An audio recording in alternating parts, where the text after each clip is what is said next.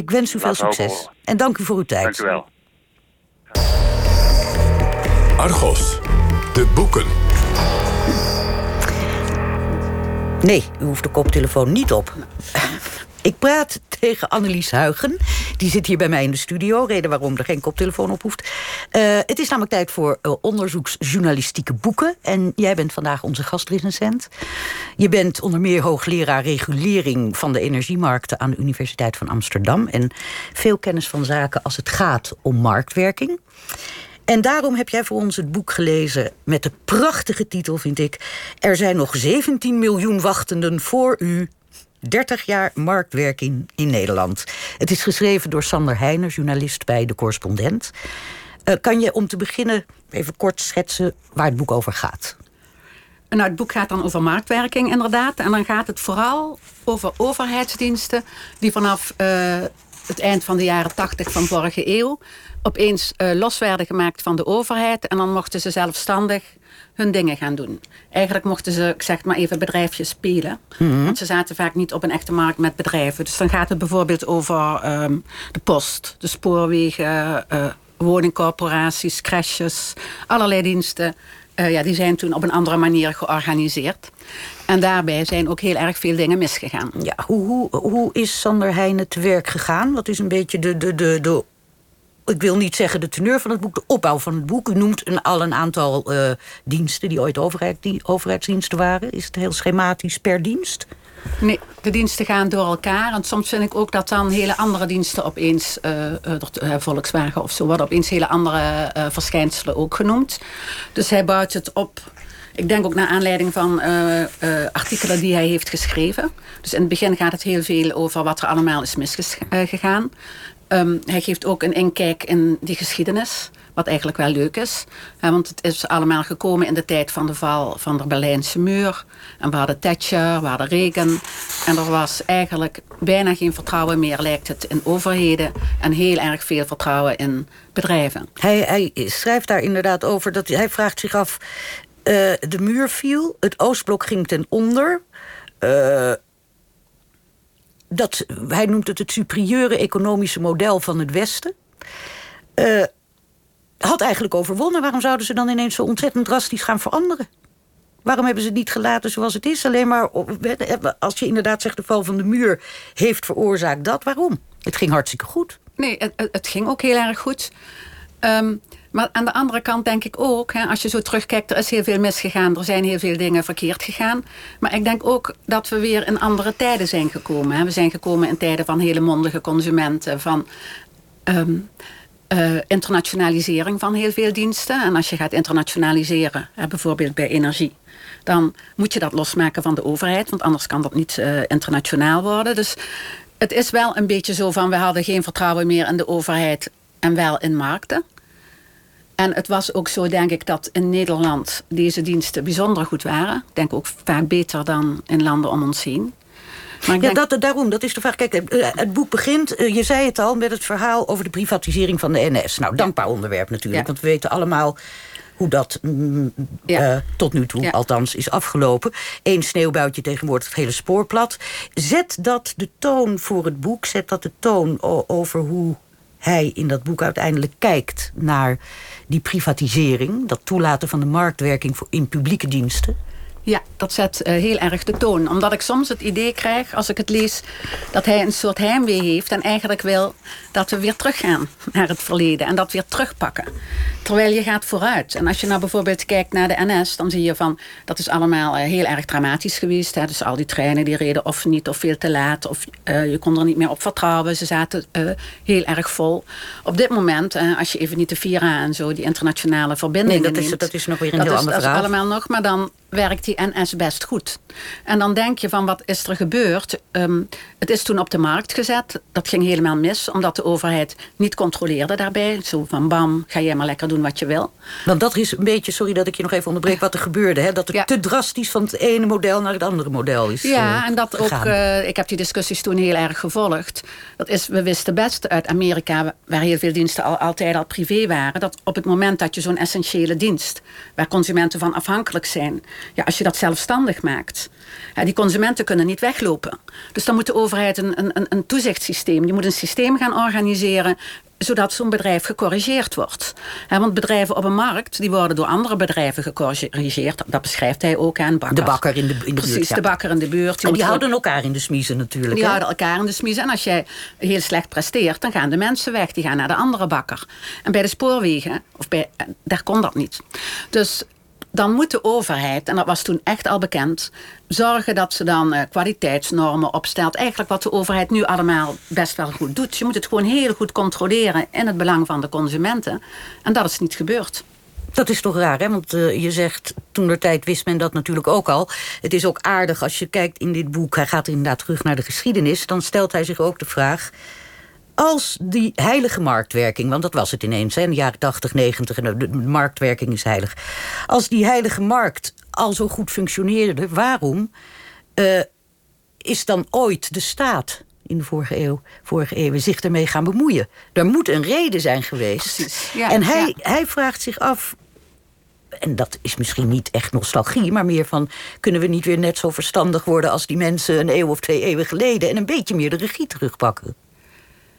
Ja, ik vind... Uh, dat, ben je dat met hem eens? ja, ehm, ja ehm, ik vind dat op dit moment... Uh, het zou heel erg mooi zijn. Ik denk ook dat deze tijd daar behoefte aan heeft. Dat is een herwaardering van de overheid. En ook dat de overheid veel meer regie pakt. Maar die regie pak je niet door die bedrijven weer in je schoot te nemen...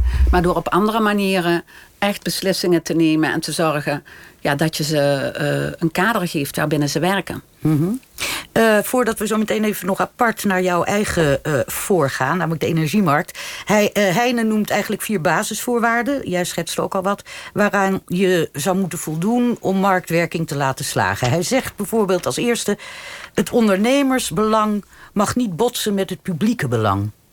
Ja, dat is een contradictie. Ja, dus ik begrijp deze ook niet. Ik, dan noemt hij als voorbeeld de treinen van dan uh, zet je dat apart en dan heeft de NS er belang bij om je zo goedkoop mogelijk te vervoeren als haringen in een ton. Maar iedere onderneming heeft er altijd belang bij om ja, tegen een hoog mogelijke prijs te vragen en zo slecht mogelijke kwaliteit te bieden, zodat je uh, lekker winst maakt. Dus het lijkt mij gewoon per definitie is dat ondernemingsbelang nooit gelijk aan het publieke belang. Dus ik begrijp deze uh, nou, Misschien zegt hij nee, dat, ik, ik begrijp wat jij bedoelt. En misschien bedoelt hij hiermee te zeggen... Uh, zolang het om publiek belang gaat, moet je dus sowieso die vrije markt niet toelaten. Want je weet dat het gaat botsen. Zou die dat niet bedoelen? Ja, maar en, en dat zegt hij ook. Maar dat is heel genuanceerd. Wat het probleem, denk ik, de hele tijd is, is dat bij die marktwerking... dat iedere sector die heeft zijn eigen kenmerken. En iedere sector die moet op een bepaalde manier behandeld worden op een manier waarbij je zegt van dit zijn je vrijheden en dit is het kader wat de overheid stelt. dus hij is steeds bezig met die crashes. Die crashes, dat is ook een groot probleem geweest. Dus opeens was er een bedrijf van 220 crashes. Denk je van hoe kom je daarbij? waarom moeten er 220 crashes in één bedrijf zitten? dat is toen allemaal gefuseerd. Dat heeft de overheid ook toegelaten. Toen is daar een Amerikaanse investeerder. Die, is, die, is die crashes, is daar het, um, die heeft daarin geïnvesteerd. Dus die heeft die beladen met schulden. Wat ze altijd doen, hè, die durfmaatschappijen. Want er was veel, um, heel veel onroerend goed. Nou, en vervolgens komt er een schokje en dan gaat het failliet. Maar ik vind dan niet dat de conclusie is wat ik bij hem denk... van ja, maar nou moeten alle crashes weer van de gemeente worden. Ja, dat is het gevoel wat ik he, uh, heb dat hij zegt. Dat is een publiek belang. Ja. ja, en we gaan dat nou weer. Dan hebben we bij de gemeente waar ik woon, Leiden. En dan gaan daar ambtenaren gaan die crashes runnen. En zoals het vroeger was, heel vroeger, waren ook hele lange wachtlijsten.